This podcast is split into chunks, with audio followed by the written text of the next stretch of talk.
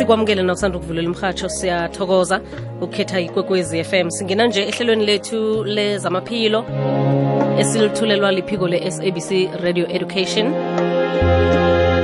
Lethulwa bunqopha endlini zokurhatshela ngephimbo likabusayi ihlelo liveza nguphindile mahlangu leli esingena kilo lezamaphilo elithi ngimnawo eliveza nguleti ngethela chili namhlanje seke sokhuluma lapha ngama-midwives njengoba khe satsho ukuthi ngomgcibelo bekulilanga lakhona ilanga lama-midwives nokutsho khona ukuthi babantu abaqakathekileko abasiza ukubhebhulisa ngikho banelanga elikhethekileko nje ukuthi abagidingwe bathokozwe ngomsebenzi omuhle abawenzako.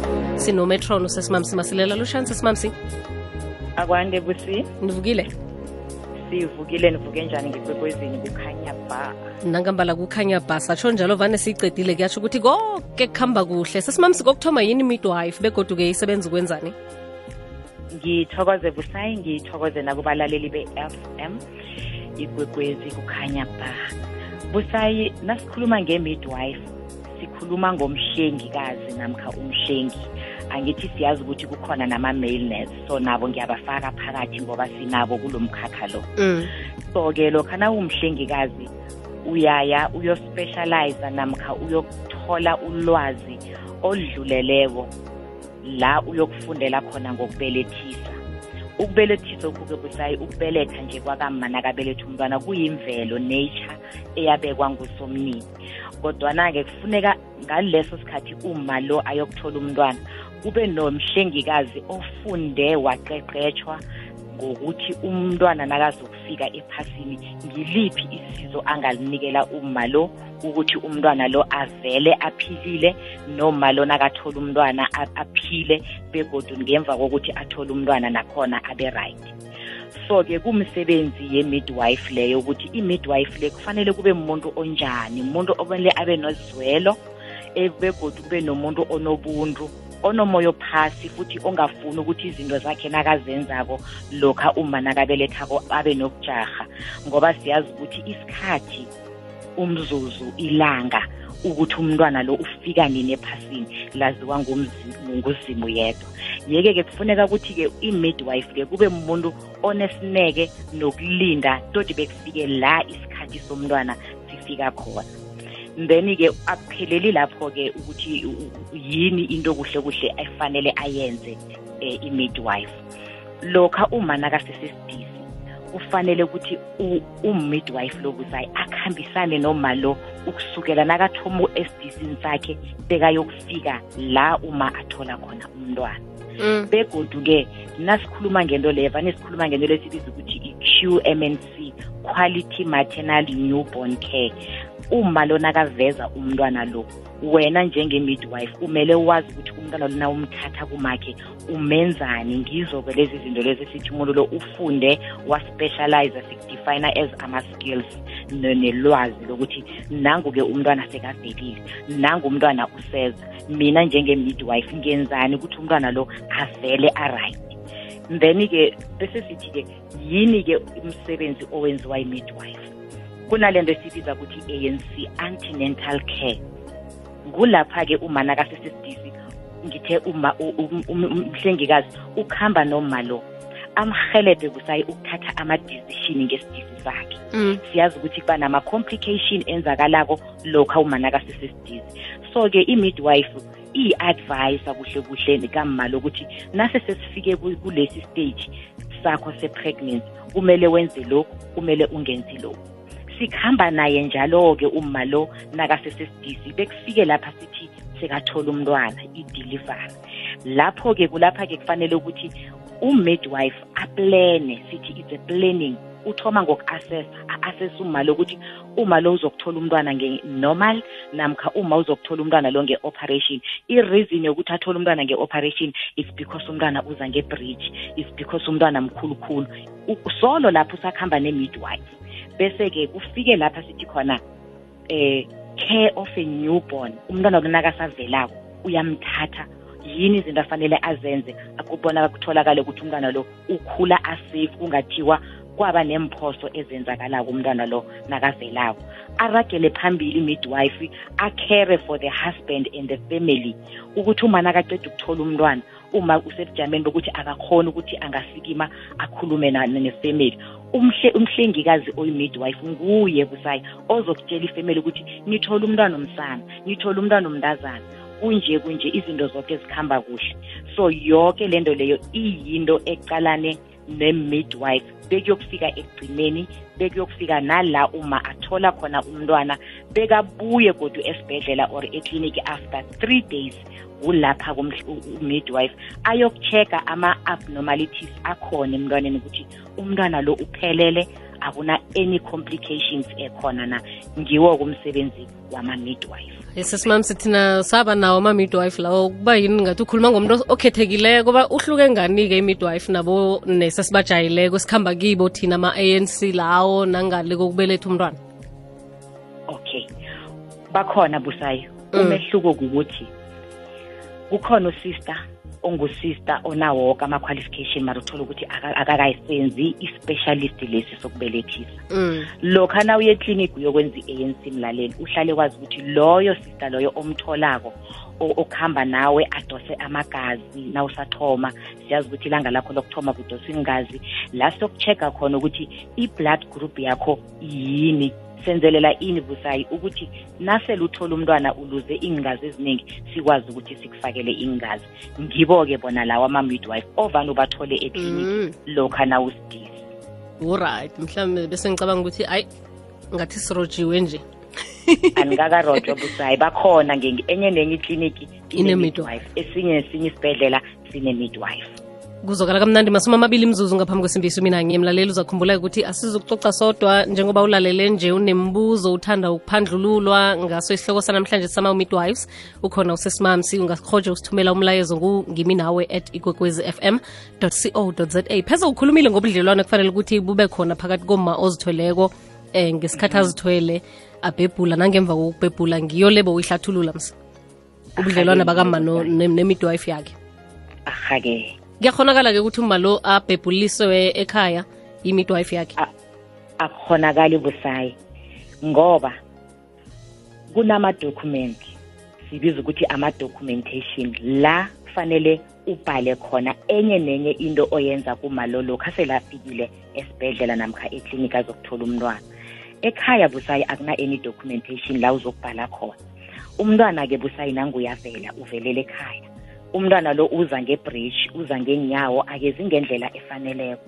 Umhlengi u- u- umidwife ayedwa ekhaya alikho isizo azokhona ukulenza kuloyo mntwana loyo. Nangumntwana uyavela uvela nalento lesibiza ukuthi i-respiratory distress. I-respiratory distress kulokhu uma nakaphusha kufika isikhathi sokuthi athole umntwana kodwana umntwana akafeli akafiki. So uma lo phusha adinwe ukhumbule ukuthi um, isidisi umntwana nakasesengakini. Nangiphefumulako ngiphefumulela umntwanami ukuthi ak- akwazi ukuphefumula. Sele mina ngidinwa ngingasakwazi ukuphefumula. Nomntwana lo naye uyastopa angasaphefumuli. Bekuhlogeka nomoya i-air oxygen efanele ingene iye ebukopheni bomntwana. Seke sekuba nalento esithi is a respiratory distress. Umntwana uvela angakwazi ukuphefumula. Mina-ke ngi- ngiyi-midwife nginawo ekhaya asina oxygen. Kumele umntwana lo immediately ngimthatha kuwe ma ngimfake ku-oxygen ngimenze ukuthi aphaphame aphile ngimfakele umoya. Kuyingozi khulu-ke nangiyi-midwife ngisekhaya. Zonke ama-resources engiwafunako awekho. Nangumntwana busa uyavi- uyavela kunalento esibiza ukuthi it's a meconium aspiration. Kuyenzeka ukuthi umntwana nethi naka- nakaseza endleleni alile bese nakakhamisako kungene izinto ezingakameli ngemlonyeni nomntwana sithi Mm. ama-meconium aspiration nakangasela into lezo ezingakalungi ku- ezingapha ngaphakathi kwakama. Umntwana loyo into lezo ziyamtshisa ngaphakathi. Nakusesibhedlela-ke siyakhona ukuthi umntwana lo immediately nakavela msinyane kunezinto esizibiza ukuthi ama-suction amanye amaphayiphu siwafaka ngemntwaneni ayimpumulweni sidose umoya sidose yonke le nto leya ayi- ayi- ayi- ayidinileko nakasezako kumamakhe ukuthi umntwana lo into le iphume. Sele-ke thina sisekhaya ngikwenza lokho noma othola umntwana. Anginawo amapipe amapipe lawo wokudosa i-meconium aspiration. Umntwana kuyasishiya. It's no no no ukutholela umntwana ekhaya ne-midwife ay- ayinawo ama-resources ekhaya engasiza lokha uma nakathola umntwana. Abantu bangasambelethele ekhaya njengakadukha ngamanye amagama iye bangasabelethele ekhaya njengakadukha ngoba kunezinto ezi-nscc sibalekela nalento lesibiza ukuthi i-sepsis. Mm, ekhaya ngicabanga ukuthi akukahlwengeki njengekliniki njengesibhedlela. Indlela enizokuvasa ngazo izandla aninazo nina insipha lezi thina esiziberegisa esibhedlela. Kufuneka amaglavu kufuneka anything ukuthi umntwana lona akavela kona nimbambako nimbamba ngamaglavu ni-make sure ukuthi akubi na any cross infection ezokutholwa umntwana lo ngoba i-sepsis leyo engikhuluma ngayo once umntwana lo angayithola busayi angahlongakala nokuhlongakala. I-affecta ama ama-organ womntwana ukuthi angasa-dysfunction abe dysfunction angasebenzi kuhle akhonakali busayi it's no no no. Kuzokala kamnandi ku-089 1207667 089 1207667 ungabuza umbuzo kusesimamsi ngesihloko sanamhlanje si eh bekugidingwa ilanga lama- lama-midwives. Ngomgcibelo njengesiphethe isihloko yesi. Uyatsho usesimamsi ukuthi bahlengikazi bese baspecializa nokutsho khona-ke sesimamsi ukuthi akusingiwo woke amanesi angabhebhulisi awa akusingiwo woke amanesi ngilawo kuphela anelwazi ne-experience yokuthi ngiyile esikolweni ngafundiswa. And nawuya esikolweni sayo se-midwife mm. u- u- u- wenza ama-practical khulukhulu i- i-midwife it's based on practical. Uya eklasini namhlanje kusasa ungesibhedlela. Le nto leya kade uyifunda ngeklasini e-university uyoyenza-ke practical. Bakunikela wakho uma bathi eh lo umalongo wakho mami sizombelethisa from ekuthomeni tode ekugcineni usiphi i-report ukuthi wenze njani bekwafika ekugcineni. Kulapha-ke ufunda khona ugcine unelwazi lokuthi ungayijamela ikliniki wedwa wabelethisa. Ngoba ukhambile waya esikolweni waya kuma-practically baku-assessa waphasa ukuthi lo ulungele unama-skills njenganje ukuthi angabelethisa ngoba busayi nasikhuluma ngokubelethisa sikhuluma nge-between life and death. Kufanele wazi isitori sakho kungakho ma-midwife kuphela abelethisako ngoba akufundele lokho. Okay. Sengizibuza ngabomma bale nabogogo ekhaya bathi hawa thina ngani sakhe sayenza singakafundi? bebalithathaphi bona ilwazi utshile kodwana ekuthomeni ukuthi yinto eyimvelo. Ngiyacabanga bakhona babafundisako ukuthi benzeni nangenongwana nakho konke lokho. And busayi kadokha mina ngelwazi enginalo ama-complications asewakhona namhlanje ayengekho busayi. Oh um nasinaye nangenza i- irhubhululo ngihlala nabogogo bathi bona izinto lezi zokuthi umuntu umntwana uvela ngebridge avele ngeenyawo zazingekho ukuthi umntwana uvela abhalelwa kuphefumula zazingekho. Ukuthi yini eyayenziwa kade thina esingasayenzi nje a- a- angazi. Ngoba umntwana kade bekithi nakufika isikhathi alile ngwe umntwana uvelile sebele ugogo acedile mara nje try at home angekhe walunga busayi asizwe nangumlaleli mhlawumbe unombuzo namkhana uthanda ukuphawula usemoyeni lotsha yena busayi kunjani? Kukhanya ba. Nangakimi kukhanya ba busayi eh angingazozitsho igama ngisesihlakwane ne? Mhm. Busayi usesimamzi bekasakhuluma ukuthi ama- ama- ama-midwife abaningi bakosa babe nesineke. Manje siba nenkinga sesibusayi abaningi ababi nesineke and uthola umuntu wakhona sekakuphelela ihliziyo njengami last year ngo-april ne? Mhm ngangiyokuthola umntwana even ifayile lami beyibhaliwe ukuthi i-high risk nge- nge-high blood.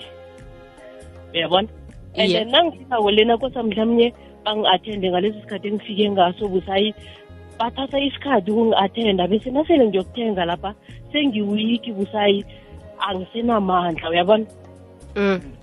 ngikhuluma nje umntwanami lo ngimtholela site ngo-april ubhodokile la ehlokweni. Ngingazwisisi ukuthi kusolo ngibekiwe ngihlezi lapha. Kuthiwa hlala la ulinde sizokucheka nethi nje. Ubathe bathe bantu bekosi ngathi sengisekingeni. Mm. asijama kancane sokubona lokhu. Abusayi ungene esibhedlela ngo-half past four ekuseni uyokuthenga ngo-eight. Uyayibona ukuthi ibuhlungu njani? Sometimes abasinakekeli ngendlela le baceceshwe ngayo. Ngiyathokoza busaya ngisho. Bokhuluma amazizwe akho mawu-right eh, kuthokoza thina. Sesimamsivani nekwenzakaleni-ke la umuntu abona khona ngathi akatshejwa khani?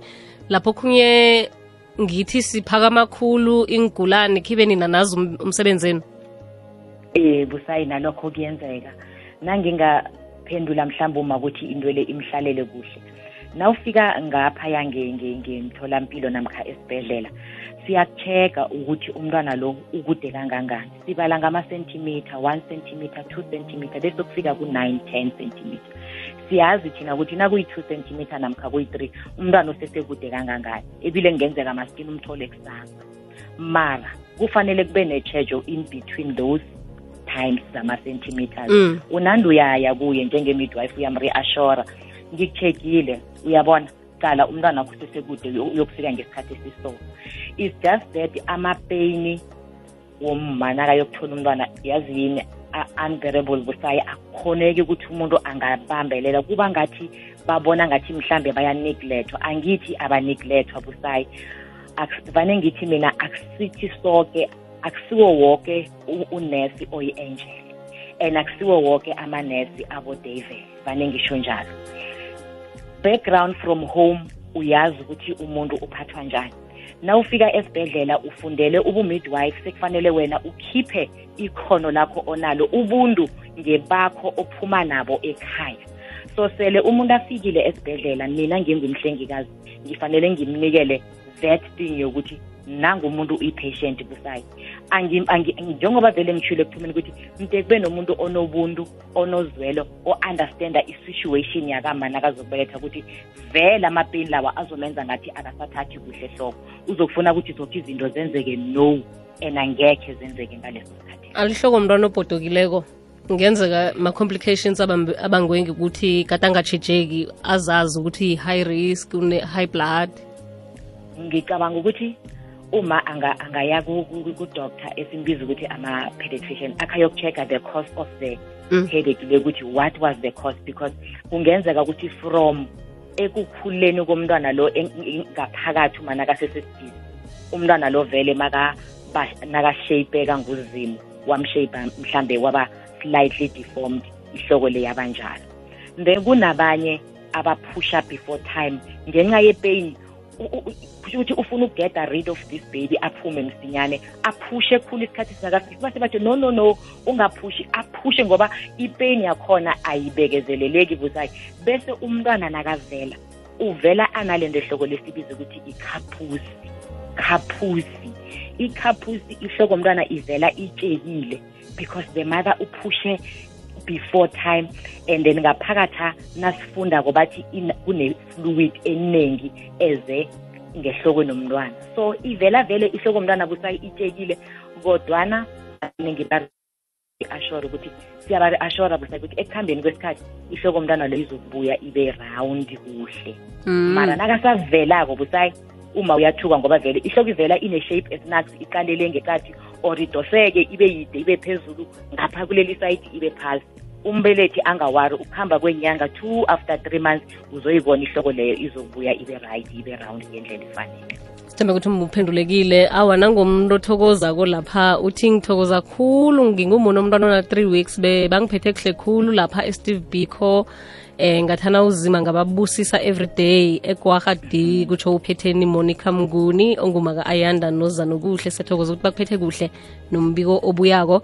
Em ngiye eclinic for iskali usister wathi eh isisu sami sidlula i-measurement basho une-big abdomen wangibhukha for high risk kodwana nanje angikateti eh kukhoswa yini i-big abdomen kusho u-anonymous.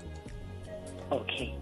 Kuyenzeka busayi kuthola ukuthi umntwana nakakhula ngesidisini sakama ukhula ngeweight ephezulu khulu ukhula ngeweight yomntwana oselavelileko. Vele-ke ifayili yakama lo izokubhalwa ukuthi high risk. Mhlazana uma lo yokuthola umntwana abo ama- ama- ama- ama-midwife bazokuqala ubujamo bakama njengoba ngithule ekuthomeni ukuthi sinento esibiza ukuthi i-assessment and planning. Bazokuqala ubujamo bakama lokuthi njengoba sithe i-high risk siyamkhona thina sima-midwife sisodwa or ufuna kube khona igayino lahlangana nathi. So onjalo makafika esibhedlela i-ambulance izomthatha msinyazana. Ngesikhathi nasekufike ukuthi athole umntwana asiwe esibhedlela ayokubonwa ngudoctor midwife doctor midwife basebenzisana boyi-two. Toti bekufika isikhathi la babona khona ukuthi no no this baby is too big ukuthi umali wangaphusha umntwana lo amthole baya- bayamtransfera to theatre ayokuthola umntwana nge-cesarean section. Okay. Usemoyeni kokwezi lotsha hello? Hello, ninjani? Khona njani? Sikhona. Mhm. Okay, ngo umama uGwala. okay. Ngizwa usister khuluma ngamasana. Mm. Ngithola abantwana. Eh zama nje ukusiza lapha ukuthi laba bathi abantwana like inhloko iyapotoka yenzani. mm Mina um- um- umzukulwane wami umntazana kwami uthole umntwana umntwana inhloko yakhe ibipotokile but yena naye be- umntwana bekamkhulu over yena. And then bazama ukumsiza ukuthi bathi bazomdonsa with something. mm and Okay. then uh, usister omunye wathi if angakhona ukuthi a aphushe before time ngoba laa nto izomenza idem ngazi something engqondweni gazi mhlawumbe ube netati Enganeni. legazi umntwana lo waba nenhloko epotokile so m- sazama ukuthi sim ma umgeza umntwana so ungam- ungamcindezeli just uma noma umgcobisi leya nhloko le ibuya ngendlela inhle ngayo inhloko umntwana wami you can't believe ukuthi samforsa manje mm but mm. manje umathi hloko yakhe i-round inhle and uyintombazane. Ngoba muhle ngeyona ndlela enye mara ngendlela ibhodokonga yayinkulu esayidini ingathina Mm. phansi so sanande si unande uyiphatha nje kahle. Naye umntwana makalala fanele ukuthi umphendule. Abanye abazali bayamyeka umntwana alale ngesayidi eliyi-one sasiyacomplain ukuthi ihloko yomntwana. Dasikusiza net lapho thanks ngiyabonga. Okay masiyathokoza nathi. Sesimami sothanda ukugcwaliselela namagride yo busayi uma wakhuluma njengomhlengikazi njengoba ngithule ukuthi ihloko leyo siyibiza ukuthi ikhaphusi ukuphusha before time or sometimes nakufika isikhathi sokuthi umntwana avele ngoba mkhulukhulu aka- akakhoni ukuthi angeza kuhle. Kunale zinto ethi sibiza ukuthi ama-forceps esihelebha ngawuma ukuthi umntwana lo eze. Mama kaphusha sifaka ama-forcep lawo. Ama-forcep la abamba umntwana ehloko. I-forcep ekulu ingena ibambe umntwana lo ehloko i- i- ihelebhe-ke ukuthi umntwana lo eze ephasini. So because i- ihloko umntwana nakasavelako vele ithambile la bekubambe ama-forcep kuba ne- ne- ne-inflammation swelling kuyavuvuka. So-ke vele-ke nayivuvukileko vele ihloko le izoba unshaped izoba ngenye indlela. Bese-ke ngikho bengi-reassure boma ukuthi azi ukuthi injalo kwesikhashana nakamgezako angayibambi khulu amthobe ngamanzi angathi ayachisa amthwese isigcoko kubetha i-three months loyo mntwana loyo ihloko i-right njengendlela le uma achaze ngayo kusayi nangumlaleli uthi midwife yami yangidebhulisa kungasesikhathi eklinika idate bathi 25 december umidwife wathi yena 18 kwakose ngithole umntwana ngesi-section ngoba benginganamabheni. Thiwani leso simamsi okay. Busayi sihlala sitsho. Uyeza umuntu lapha eklinik eh akhe ngenze umzekeliso. Sesimamsi ngiba ungicheke ngisidisi angizazi ukuthi umntwana ngiyomthola nini. Uyayithatha i-patient ifaka kusona uyamcheck uye and then wenze zonke izinto uthole ukuthi okay uyokuthola umntwana ngeni 25 zakameyi. Busayisona ingakutshela ukuthi umntwana uyomthola ngeni 25 udoctor angasho athi umntwana uyomthola ngeni 25 i-midwife ingasho ukuthi umntwana uyomthola ngeni 25 but it, it's not exactly ilanga langeni 25 as ngitshile ukuthi ilanga nomzuzu ukuthi umntwana ufika nini ephasini laziwa ngusomnini. Mina ngingasho ngithi ngeni 25 avele ngeni 24 namkha avele ngeni 26 or avele ngeveke leyo yangeni 25 or beyidlula iveke leyo kusayi uyomthola ngeveke elandelako. But know very well ukuthi yona inyanga leyo mina engithe ngomeyi uzomthola umntwana ngomeyi. So akusiphoso kasista ukuthi athi 25 umntwana angaveli ngeni 25 yingoba ilanga nomzuzu waziwa ngusomnini okay okay sicele nanguyikokwezi semoyeni lotsha?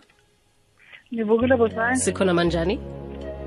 Bengiba ukubuza kusesimamthi ukuthi if bakulalisa lapha estiresheni bakufaka i- ibhande leli lebhande leli lenza ini yini umbereko walo okay alright ma.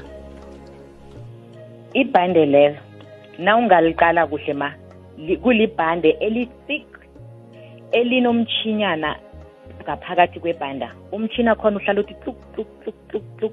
Sithatha ibhandeli sikutantele ngalo silifake emtshinini then lizositshela ukuthi i-heartbeat yomntwana ibetha njani. Ngoba manje sekufika isikhathi sokuthi umntwana uyomthola. Mara sifuna ukwazi ukuthi nawu- nasisakuprepherela i-planning leya yokuthi uyokuthola umntwana umntwana kanga-affecteki asesengaphakathi kuyo msebenzi webhandelo-ke ukuchecka i-heartbeat yomntwana ukuthi ibetha right na. And masiprinta i- umtshini loyo u- u- uveza ama-zigzag amanye ama-zigzag amanye Njenga- njengama-midwife sizokhona ukubona ukuthi i-zigzag le ngendlela iphuma ngayo iyasitshela ukuthi uyayiprinta after that iyatsho ukuthi no no no umntwana akaphefumuli kuhle. There's something wrong with the heart. Sikhona ukubiza udr masinyane. Or no no no ama-zigzag la kusayi aright umntwana uphefumula kuhle there's no need for udoctor la. Thina sizamhendlela sisodwa u- u- u- umadoda athole umntwana. Umsebenzi walelo bhande lelo kuzokala kamnandi usihlolele uthoko lombeni uthi mina ngasizwa ngumetron erihamamusa ngokutshela usista ukuthi angisize angise kulabor ward ngoba um, athi i-heartbeat yomntwana ayibethi kuhle. Umetron wathi angisiyo idonki umntwana useduze ungibekelene waiting room. Eh uyatsho ukuthi only to find out ukuthi umntwana wami i-umbilical cord beyimtantele intamo i nearly lost my life and my son kodwana-ke wagcina sizekile ngometron umsebenzi yabo metron busayi esiyenza nasisesibhedlela navane sikhamba ward to ward sikhamba siqala ukuthi zonke izinto zikhamba kuhle na? Abahlengikazi benza umsebenzi okungiwo kufanele bawenze na? Umetron loyo wenza into ehle khulu ngoba nakathi ambala ikhali beyitante umntwana ama-complication angaplanwa muntu azenzakalelako towards lokhu uma nakayokuthola umntwana. Ikhoti leyo mayitantela intamo yomntwana. Kufana nanyana uthatha intambo uhama umntwana automatically umntwana asesengaphakathi uyahlongakala. Hmm. so umetron uyawuwazi umsebenzi wakhe that is why athi akwenziwe msinyane ihlelo lokuthi uma lo either uye theatre or uyakuphi athole umntwana ngoba i-court it's no no no vele sisibethwa sikhathi. Abantu nababona ukuthi abatshejeki kuhle ma-midwives embhedlela kusakwenzakaleni nemakliniki um busayi each and every hospital sinometron enye nenye ikliniki inometron. Na ubona ukuthi awukakaphatheki kuhle namkha awukhoni ukufika kumetron umndeni wakho unelungelo ama-rights of a patient rights of a family ukuthi nibonane nometron imtshele ukuthi nangu umuntu ngapha uku-labor ward mara akakaphatheki kuhle. Umetron akwazi ukuthi anilungisele msinyana ngoba ninelungelo lokuthi nitreatwe ngendlela efaneleyo ekliniki nesibhedlela kuyafana kunamahluko ukuthi umuntu ubelethelaphi boke abome A- a- a- Mm. abo- boke abometron benza umsebenzi wakho. Ekliniki kune-department kametron oqalelele leyo department. Then uyam- niyabawa nikhulume naye msinyane ukuthi a- asikakaphatheki kuhle so so so umsebenzi kametron loyo ukuthi alungise izinto. Okwakhona la ngewodini kuba nalo sister esimbiza ukuthi u-sister in charge of the ward sister in charge of the clinic. Nguye okumele aqale izinto ezinjalo so vele ziyatshejwa ukuthi zonke izinto zikhambe kuhle. Siyathokoza Njengoba sesimamsi kusayi- mm. Si- si- sigidinga leli ilanga sima-midwife. Sigidingela ngo-2018 ukuthi into le efana nama-sepsis ukuthi umntwana athi avela sekanama-infection sifundisane kungenzeki ngokuvasa izandla zethu sibambe umntwana ngama-gloves ukuthi yonke into ikhambe kuhle busayi zindaba zephasi kukwekwezi fm uthembisile